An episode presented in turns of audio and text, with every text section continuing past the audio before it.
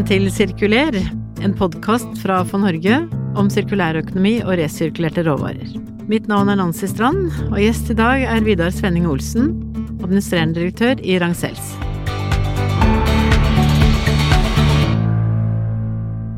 Vidar Svenning Olsen tok over som administrerende direktør i Ragn-Sells i 2019, etter 15 år med ulike roller i selskapet og han hadde før det fem år i selskapet Mat- og emballasjegjenvinning i Vestfold.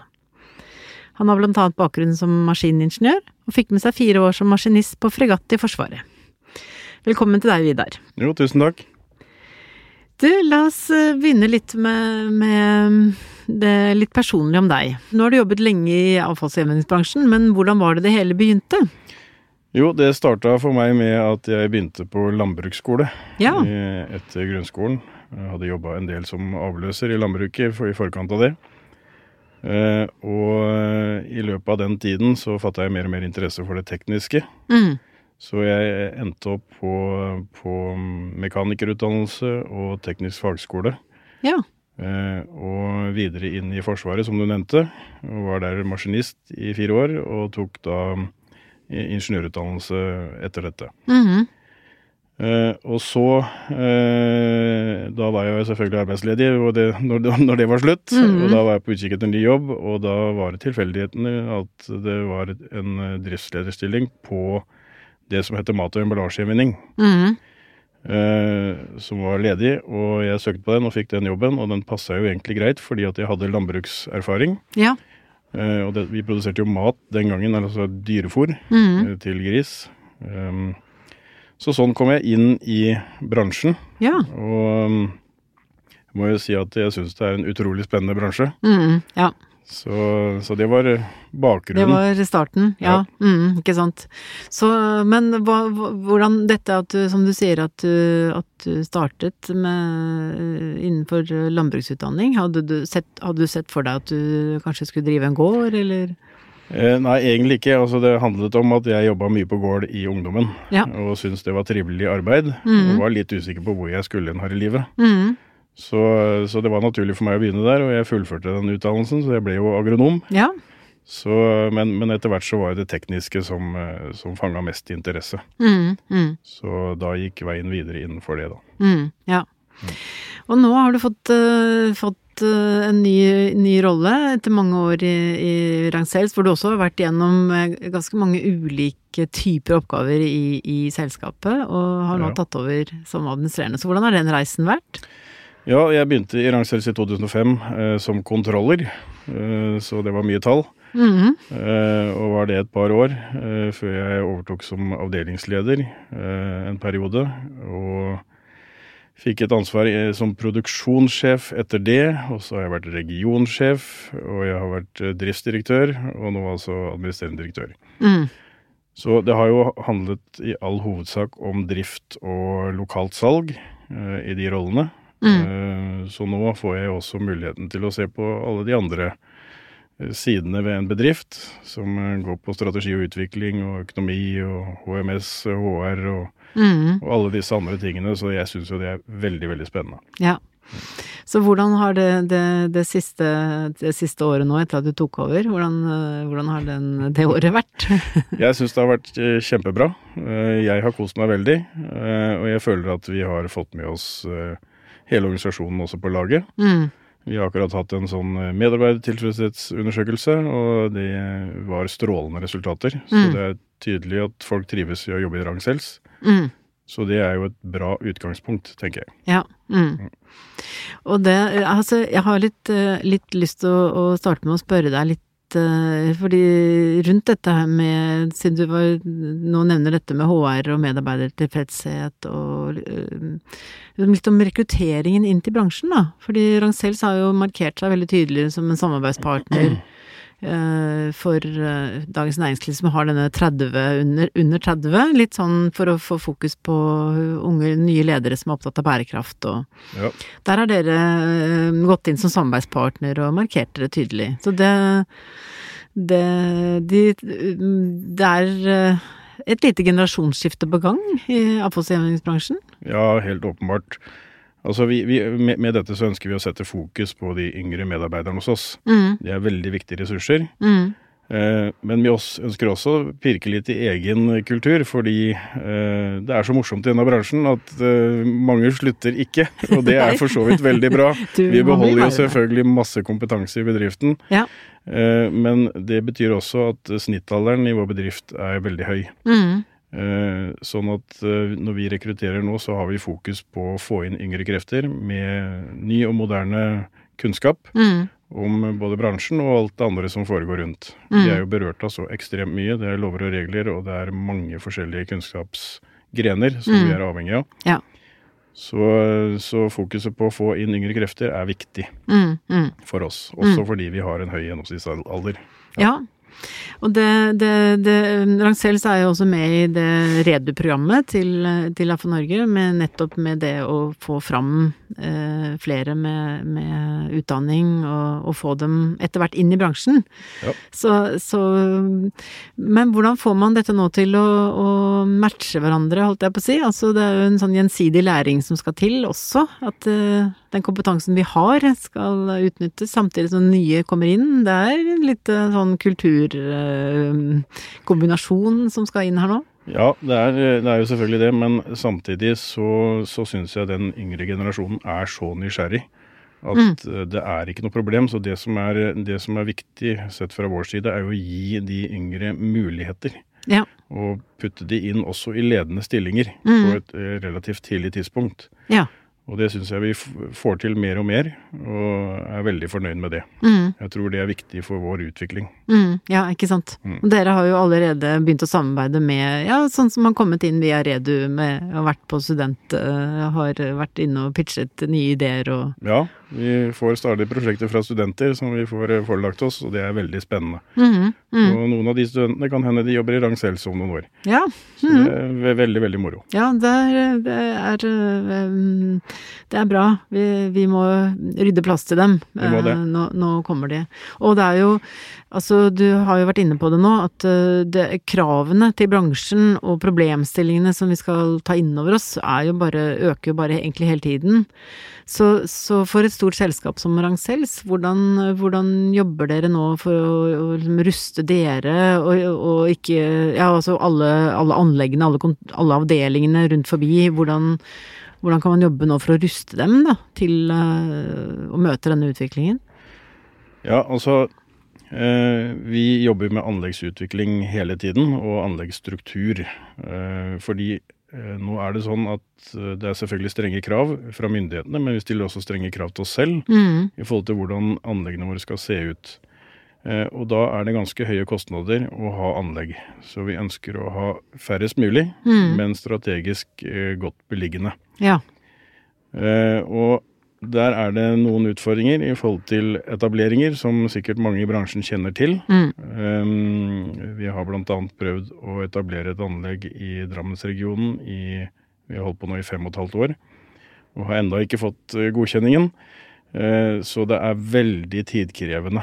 Mm. Uh, og det har vel litt på hvordan samfunnet ser på avfallsbransjen mm. og den historikken vi har. Mm. Jeg mener jo at avfallsbransjen har utviklet seg enormt positivt i veldig, veldig mange år. Mm. Og har virkelig gått foran. Eh, og blitt en veldig seriøs og god bransje i det store og hele. Eh, men det gjenstår å prøve å få med seg samfunnet for øvrig til å forstå at eh, nå håndterer vi råvarer inne på vårt anlegg ja. Eh, det er ikke eh, bare gris og surr og rør og litt sånn som det var i, mm. i veldig gamle dager. Altså mm. Når jeg begynte i bransjen, så kjørte vi jo avfall på deponi. Eh, det gjør vi jo strengt tatt nesten ikke i det hele tatt lenger. Mm. Det er jo kun inert masser osv. Så, videre. mm. så anleggene våre må utvikles, og de må være moderne. Og de må være sånn at vi kan håndtere varene på en god måte. Mm. Så vi trenger litt drahjelp både fra bransjen og fra myndighetene for å kunne utvikle disse uh, anleggene på en god måte. Mm, mm. Jeg tror du er inne på en problemstilling som, som gjelder uh, egentlig alle, da. Ja. Og det er også litt med kanskje med urbanisering, altså at uh, også små tettsteder vokser jo. Og så plutselig så er det et uh, industrianlegg som har ligget godt i utkanten, som plutselig er tett på randsonen i, i et, et tettsted eller et byområde. Ja. Og da er det Det er, det, utfordringer. Det er noen utfordringer der, altså. ja, det er det. Men hvordan, hvordan du, som du, du, var inne på at altså En ting er de kravene som myndighetene stiller, og som i økende grad stiller, men som dere også stiller til dere selv? Ja, altså vi ønsker jo å tilnærme oss å være en nullutslippsbedrift om ikke så altfor lenge. Mm. Det er litt vanskelig for å si årstallet, men, men vi har noen mål innenfor det. Mm. Og vi jobber hele tiden med å se på prosessene våre. Mm. Så vi har eh, bl.a. et program gående for elektrifisering eh, av maskiner og utstyr. Ja. Mm. Um, så hvis vi kjøper nytt utstyr nå, som f.eks. en truck, så er det ikke aktuelt å vurdere dieseltruck, f.eks. Mm. Uh, kverner er elektriske, alltid når vi handler inn. Og vi har hatt et prosjekt nå gående over lang tid med Nasta i Larvik, som leverer Hitachi gravemaskiner. For, for, noen år tilbake så, så testet vi en elektrisk gravemaskin, og den står plugget inn i veggen. Ja. Men vi så det at det ble litt for rigid for oss, så vi ønsket oss en gravemaskin som kunne bevege seg rundt på anlegget. Mm. Så sammen med Nasta så utviklet vi en gravemaskin med batteripakke. Ja. Som nå kan stå både tilkoblet, men også gjøre enkle oppgaver rundt forbi på anlegget. Mm. Så da har vi et ønske nå om å, å få flere og flere av gravemaskinene også elektriske. Mm. Og så gjenstår hjullasterne som går på anleggene våre. Ja. Så vi er i dialog med leverandører også på det, for å prøve å få batteripakker på hjullasterne, sånn at alt kan bli helelektrisk og vi unngår utslipp. Mm. Mm. Og vi gjør jo også tilsvarende på logistikk. Vi har nå to lastebiler som vi tester ut, som er helelektriske. Der vil jeg si at det er noe mer utfordrende. Batteriteknologien er ikke helt der den bør være enda for at det skal fungere veldig bra. Og, og kostnadene for innkjøp og sånt er veldig høyt. Mm. Men vi følger det tett, og vi tester det ut. Og så har vi, har vi en satsing i, i, Oslo nå som vi kaller for Elskede by, som kanskje mange har hørt om. Ja. Men det er en hub som vi har etablert i, i Postgirobygget i Oslo sentrum. Og der kjører vi da eh, Dette har vi gjort sammen med Bring og KLP. Mm. Så vi kjører post ut til, uh, til, bedriftene, og så tar vi med oss avfall tilbake til huben. Ja. Og dette gjøres med små elektriske kjøretøy. Helt ned på sykkelnivå. Ja. Eh, og det samles i huben, og der tar vi det da derifra og opp til anlegget vårt. Mm. Som da reduserer selvfølgelig belastningen på, på det, det sentrale bymiljøet. Mm. Uh, og vi er også i gang i oppstarten med å etablere tilsvarende i Trondheim. Ja. Så dette er et konsept vi, vi jobber videre med å utvikle. Mm. Det er spennende. Ja. Hva er dette nå Altså får man forretningsmodellene til å Det er en materialflyt som skal funke, men det er også en forretningsmodell som må funke, da, i kanskje i nye samarbeidskonstellasjoner og Ja, vi har fått det til å fungere ganske bra. Vi utnytter jo da en returtransport fra eh, transport, transporten fra Posten. mm. Så vi ser at vi har lønnsomhet i det. Men det er klart volumene er relativt små enda. Ja. Så her må vi oppfordre samfunnet til å håpe seg på, eller i hvert fall de som bor i Oslo og eventuelt i Trondheim, Mm. og, og utnytte seg av denne tjenesten. Mm. Så blir det sannsynligvis uh, veldig lønnsomt for oss og bra for miljøet og, videre. Mm. Mm. Ja.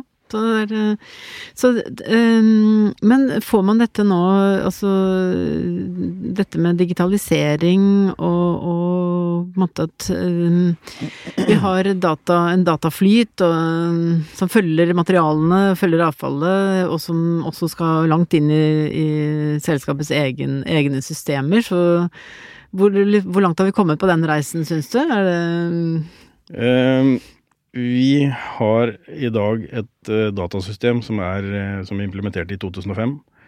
Uh, vi har selvfølgelig gjort tilpasninger for å komme inn over i en digital hverdag, men, men, det er et relativt gammelt system, og, og, vi er nå nødt til å bytte det ut. Så vi har et stort ERP-prosjekt gående mm. for hele konsernet. vi er jo etablert i fire land. Og det er et kjempestort og tungt prosjekt, men vi nærmer oss slutten.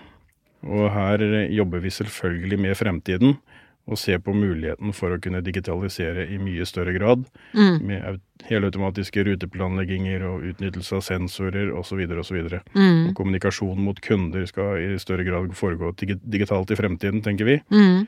Det er jo den yngre generasjonen som vi var, på, eller var inne på tidligere. Ja. De bruker jo ikke telefonrøret lenger, så, så vi må på en måte bygge et system som er for framtiden. Mm. Så det, det er vi i gang med. Så digitalisering er viktig for oss. Mm, mm, ja. Og um, altså, siden vi nå liksom snakker om helt, kanskje helt nye logistikksystemer, da.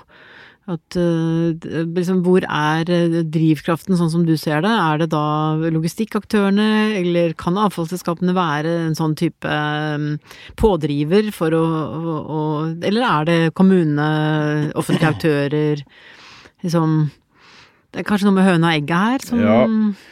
Altså logistikk og automasjon, hvis du tenker på det, eh, så er det klart eh, her har vi en utfordring på lovverkssiden. Mm. Eh, og det er det som kanskje er den største bøygen. For Ja. jeg- Fordi at um, markedet utvikler løsninger, autonome løsninger, for både innsamling og transport. Eh, men eh, lovverket er ikke helt klart for å kunne ta det imot enda. Nei. Og det er nok også mulig at teknologien heller ikke er helt moden, så, så dette her må jo selvfølgelig henge sammen, sånn at det er sikkert. Men vi, det vi gjør, er å følge utviklingen tett. Eh, Og når vi ser at det er modent, så, så vil jo vi selvfølgelig prøve ut eh, disse tingene. Mm. Eh, Men det er selvfølgelig også helt avhengig av at lovverket og modenheten i teknologien er der, før Mm. man kan ta det i bruk, Mm, mm, mm. tenker vi. Ja. Så det er en, eh, en eh, Altså, jeg har litt følelse av at vi snakker om en sånn ketsjup-effekt eh, etter hvert. Altså at det er på en måte Det skjer mange parallelle prosesser nå. Teknologien er i rivende utvikling, markedet er forståelse. Jeg er litt mer usikker på, på liksom reguleringene. At, at man klarer å å matche tempoet som er i, i, på teknologi og marked. Ja, jeg er helt enig i det. Det er, det er der utfordringen ligger. Og det er klart, eh, lovgiverne kan jo ikke tillate dette før de føler en trygghet for at det er sikkert. Mm. Eh, Men det kan jo testes ut på, på avsperrede områder og sånt noe. Ja. Eh, Så inne på enkelte anlegg hvor man kan sperre helt av for enkle transporter, så kan man begynne en testing. Mm.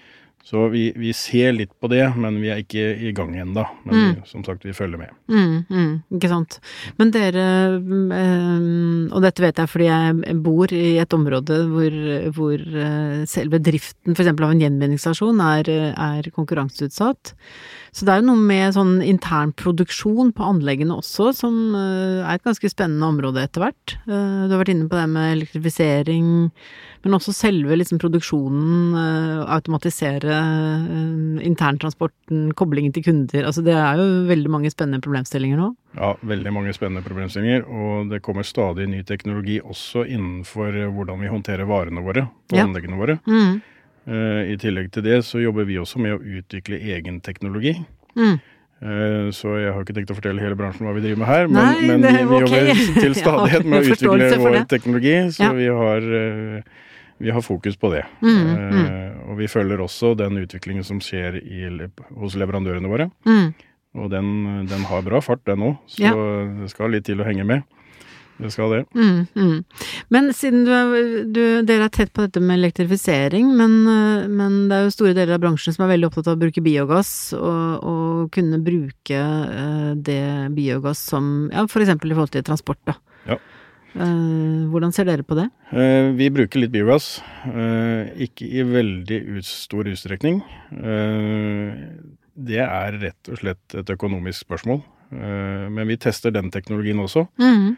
Eh, Helt ærlig, rett ut så er biogassen for dyr eh, for at eh, det skal på kommersielle vilkår fungere. Mm. Altså når en kommune setter ut et anbud eksempel, og krever biogassbiler, så er det jo likt for alle. Ja. Men på kommersielt mot næringsliv og næringskunder, så ser vi ikke at vi har den betalingsviljen. Kanskje hos noen få som er, har en samvittighet som gjør at de er opptatt av det. Mm. Mm. Eh, Men den store bølgen har ikke kommet helt dit ennå. Mm. Så, mm, så det er litt status med det. det- Men vi, vi kjenner teknologien, og vi, Mm. vi har testet den ut. Og vi har biogassbiler, og vi fikk en ny biogassbil her nå bare for noen, en par uker siden. En som går på flytende biogass, en krokbil. Mm. Så det er veldig spennende å være med på den utviklingen. Mm, ja, mm, ja, der skjer det også en, en spennende AFO Norge har jo satt i gang et prosjekt som vi har kalt uh, Fra én til ti på ti. Som, uh, hvor vi mener altså at uh, vi må kunne øke ambisjonsnivået på mengden biogass vi klarer å utnytte, og at det skal vi klare innen ti år. Eh, men da er det nettopp både den industrielle utviklingen av produksjonen, men også i markedet, som, som eh, må løftes atskillige hakk for å være konkurransedyktig. Ja.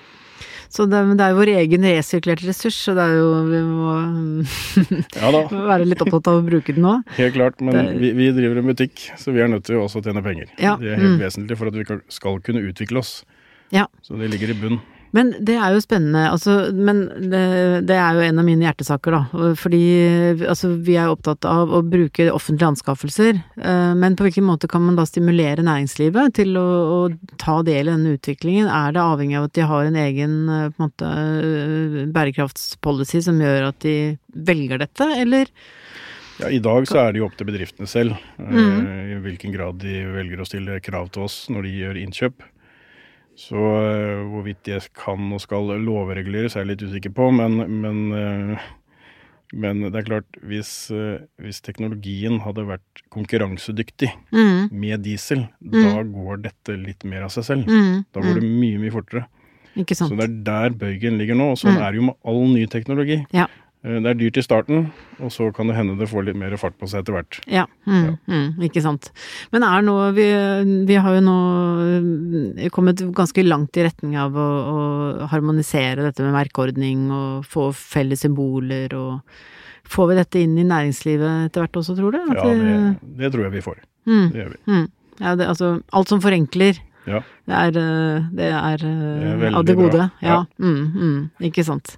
Men sånn, hva tenker du liksom om, om, eh, om eh, framtida for bransjen? Altså, vi har jo liksom, Sirkulærøkonomi har jo blitt et, et, begrep som vi bruker ofte og, og øh, Men hvordan kan vi gi det et konkret innhold og la det bli til det beste for, for bransjen? Ja, jeg vil i hvert fall si det at jeg syns jo bransjen i utgangspunktet, de siste i hvert fall de 20 åra jeg har vært i bransjen, har vært utrolig flinke. Mm. Så jeg vil jo begynne der. Ja, for et godt sted å begynne. ja, fordi eh, vi har jo klart å fått veldig mange varestrømmer. Det begynte jo med produsentansvarsordninger og kildesortering, mm. som er to veldig, veldig viktige faktorer for at vi har lykkes. Mm. Uh, og det vil jeg bare nevne, kildesortering må vi aldri gå vekk ifra. Mm, mm, ja, så bra. Ja, full, uh, full, støtte fra meg. Med mm. en gang vi blander disse tingene, så er det forferdelig tungt å ta igjen. Mm. Så uh, all skryt til bransjen, både den offentlige delen og den private delen, som har tatt dette på alvor og bygd mm. opp gode, gode nedstrømsløsninger for veldig mange fraksjoner. Kan bare nevne at vi har i, både i Europa, men også i Asia, Eh, et eget kontor i Asia, i Singapore, eh, som overvåker det asiatiske markedet, og der selger vi veldig mange av våre produkter. Så vi har et system som ivaretar de, de, de materialene som er egnet for materialgjenvinning i dag. Mm. Og så jobber vi hele tiden med å utvikle nye løsninger. Eh, mer og mer av trevirket går jo nå til sponplateproduksjon. Vi har akkurat startet opp en bedrift som vi har kalt for gipsgjenvinning, som er et samarbeid med Gyproc hvor vi leverer gips inn til fabrikken. Eh, altså resirkulert gips. Mm. Så den bransjen er på Altså den sirkulære saken, den er jo på gang hele tiden. Mm. Og vi jobber med det kontinuerlig. Eh, men det er klart eh, I Norge produserer vi veldig lite. Så de varene som vi kjøper i Norge, de kommer veldig ofte fra utlandet. Mm. Og det er ganske vanskelig for oss å påvirke hvordan de blir produsert. Mm. Og en vare som skal gjenminnes, eh, bør kanskje designes og settes sammen på en litt spesiell måte. Mm. For at det skal være lettere å håndtere det etterpå. Mm. Eh, og der er det litt vanskelig å, å, påvirke hardt. Men det er klart vi har jo produsentansvarsordningene eh, våre, mm. som kanskje kan utvides ytterligere. Mm. For det er ikke noe tvil om at det er blanda avfall som er den største fraksjonen. Mm. Det er den vi har mest av. Ja. Og det er fordi at det er en del komplekse varer som går i, i sirkulasjon. Så mm. der må vi Altså Vi som bedrift klarer nok ikke å endre det helt alene, vi må gjøre det sammen med hele bransjen, men kanskje sammen med hele EU og til slutt hele verden. Ja, mm. Vi må ha et helt, helt, nytt fokus på det. Mm. Skal vi kunne få varene ytterligere i, gjennom varestrømmen på en god måte. Mm. Ja, jeg, eh, jeg, tror du var inne på noe, noe helt avgjørende. At hvis, hvis, vi skal klare å løfte oss opp til et, et nytt nivå, eh, så må vi måtte, samarbeide nettopp med produsentene og, og bruke den kompetansen som finnes, da.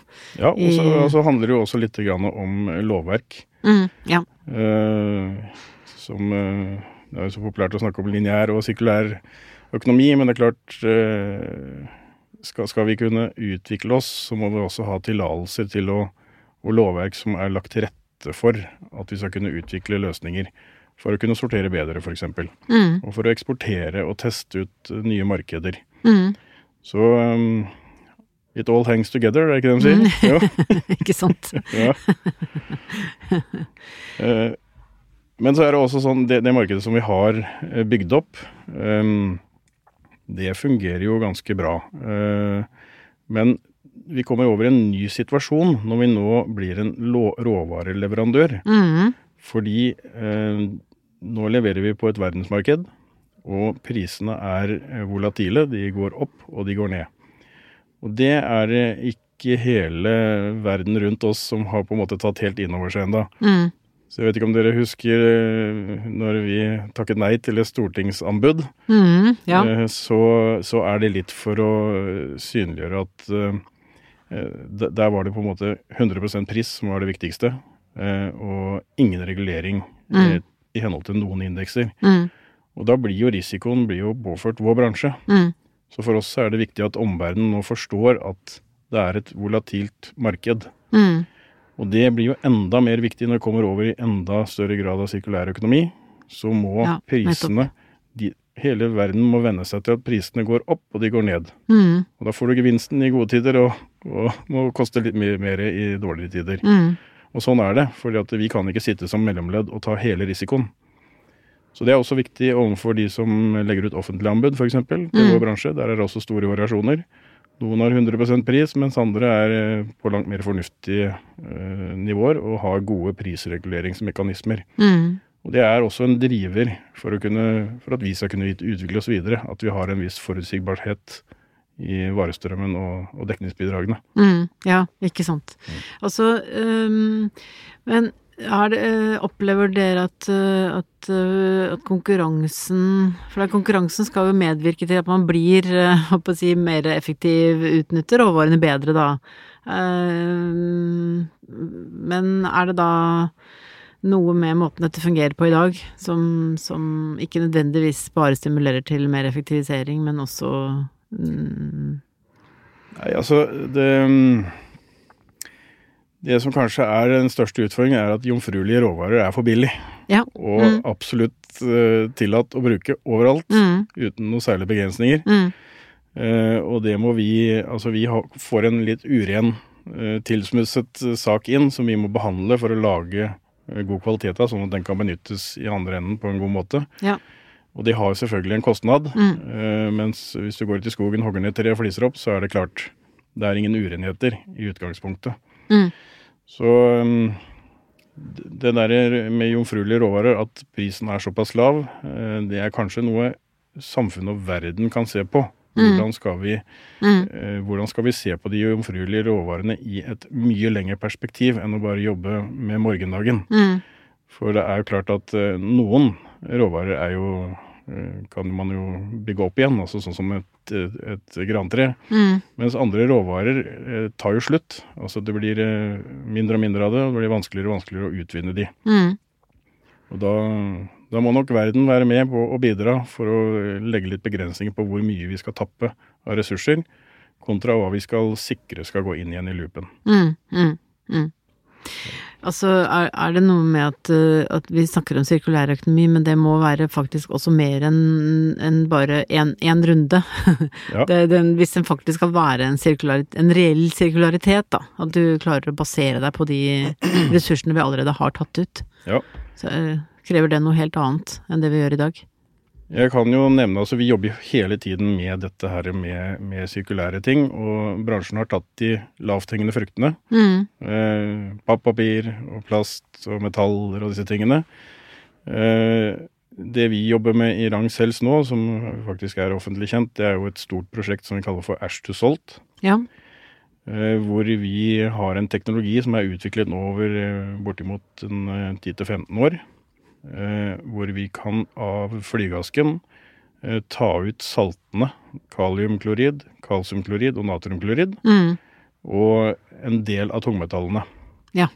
Det betyr at askeresten eh, i verste fall blir inert og kan deponeres på ordinære deponier. Men vi har en ambisjon om at askeresten også skal kunne benyttes som råvare i betong- eller sementproduksjon. Mm. Eh, og da kan vi jo i, i, dag deponeres jo all flygaske. Så hvis vi klarer å få den eh, helt sirkulær, mm. i hvert fall eh, borti 90 eller 95 ja. så er det et veldig veldig spennende prosjekt. For det er ganske store volumer. Mm. Så eh, det er en av de tingene vi jobber med innenfor mm. sirkularitet. Ja, mm. og hvor du, hvor du, virkelig må eh, tenke, tenke, ganske langsiktig i forhold til utvikling av teknologi og, og løsninger som kan fungere i et marked. da. Ja, og det er store investeringer. Ja. Mm, mm. Vi har valgt å bygge første anlegget nå i Stockholm uh, for ca. 130 000 tonn med flygaske. Ja. Uh, og investeringen er jo 600 millioner kroner. Mm. Så det er enorme investeringer. Uh, men vi har tro på teknologien. og vår eier har sagt at han ønsker å ta hele risikoen selv og, og gå inn med de pengene. Mm. Så det blir veldig spennende også. Ja. Mm.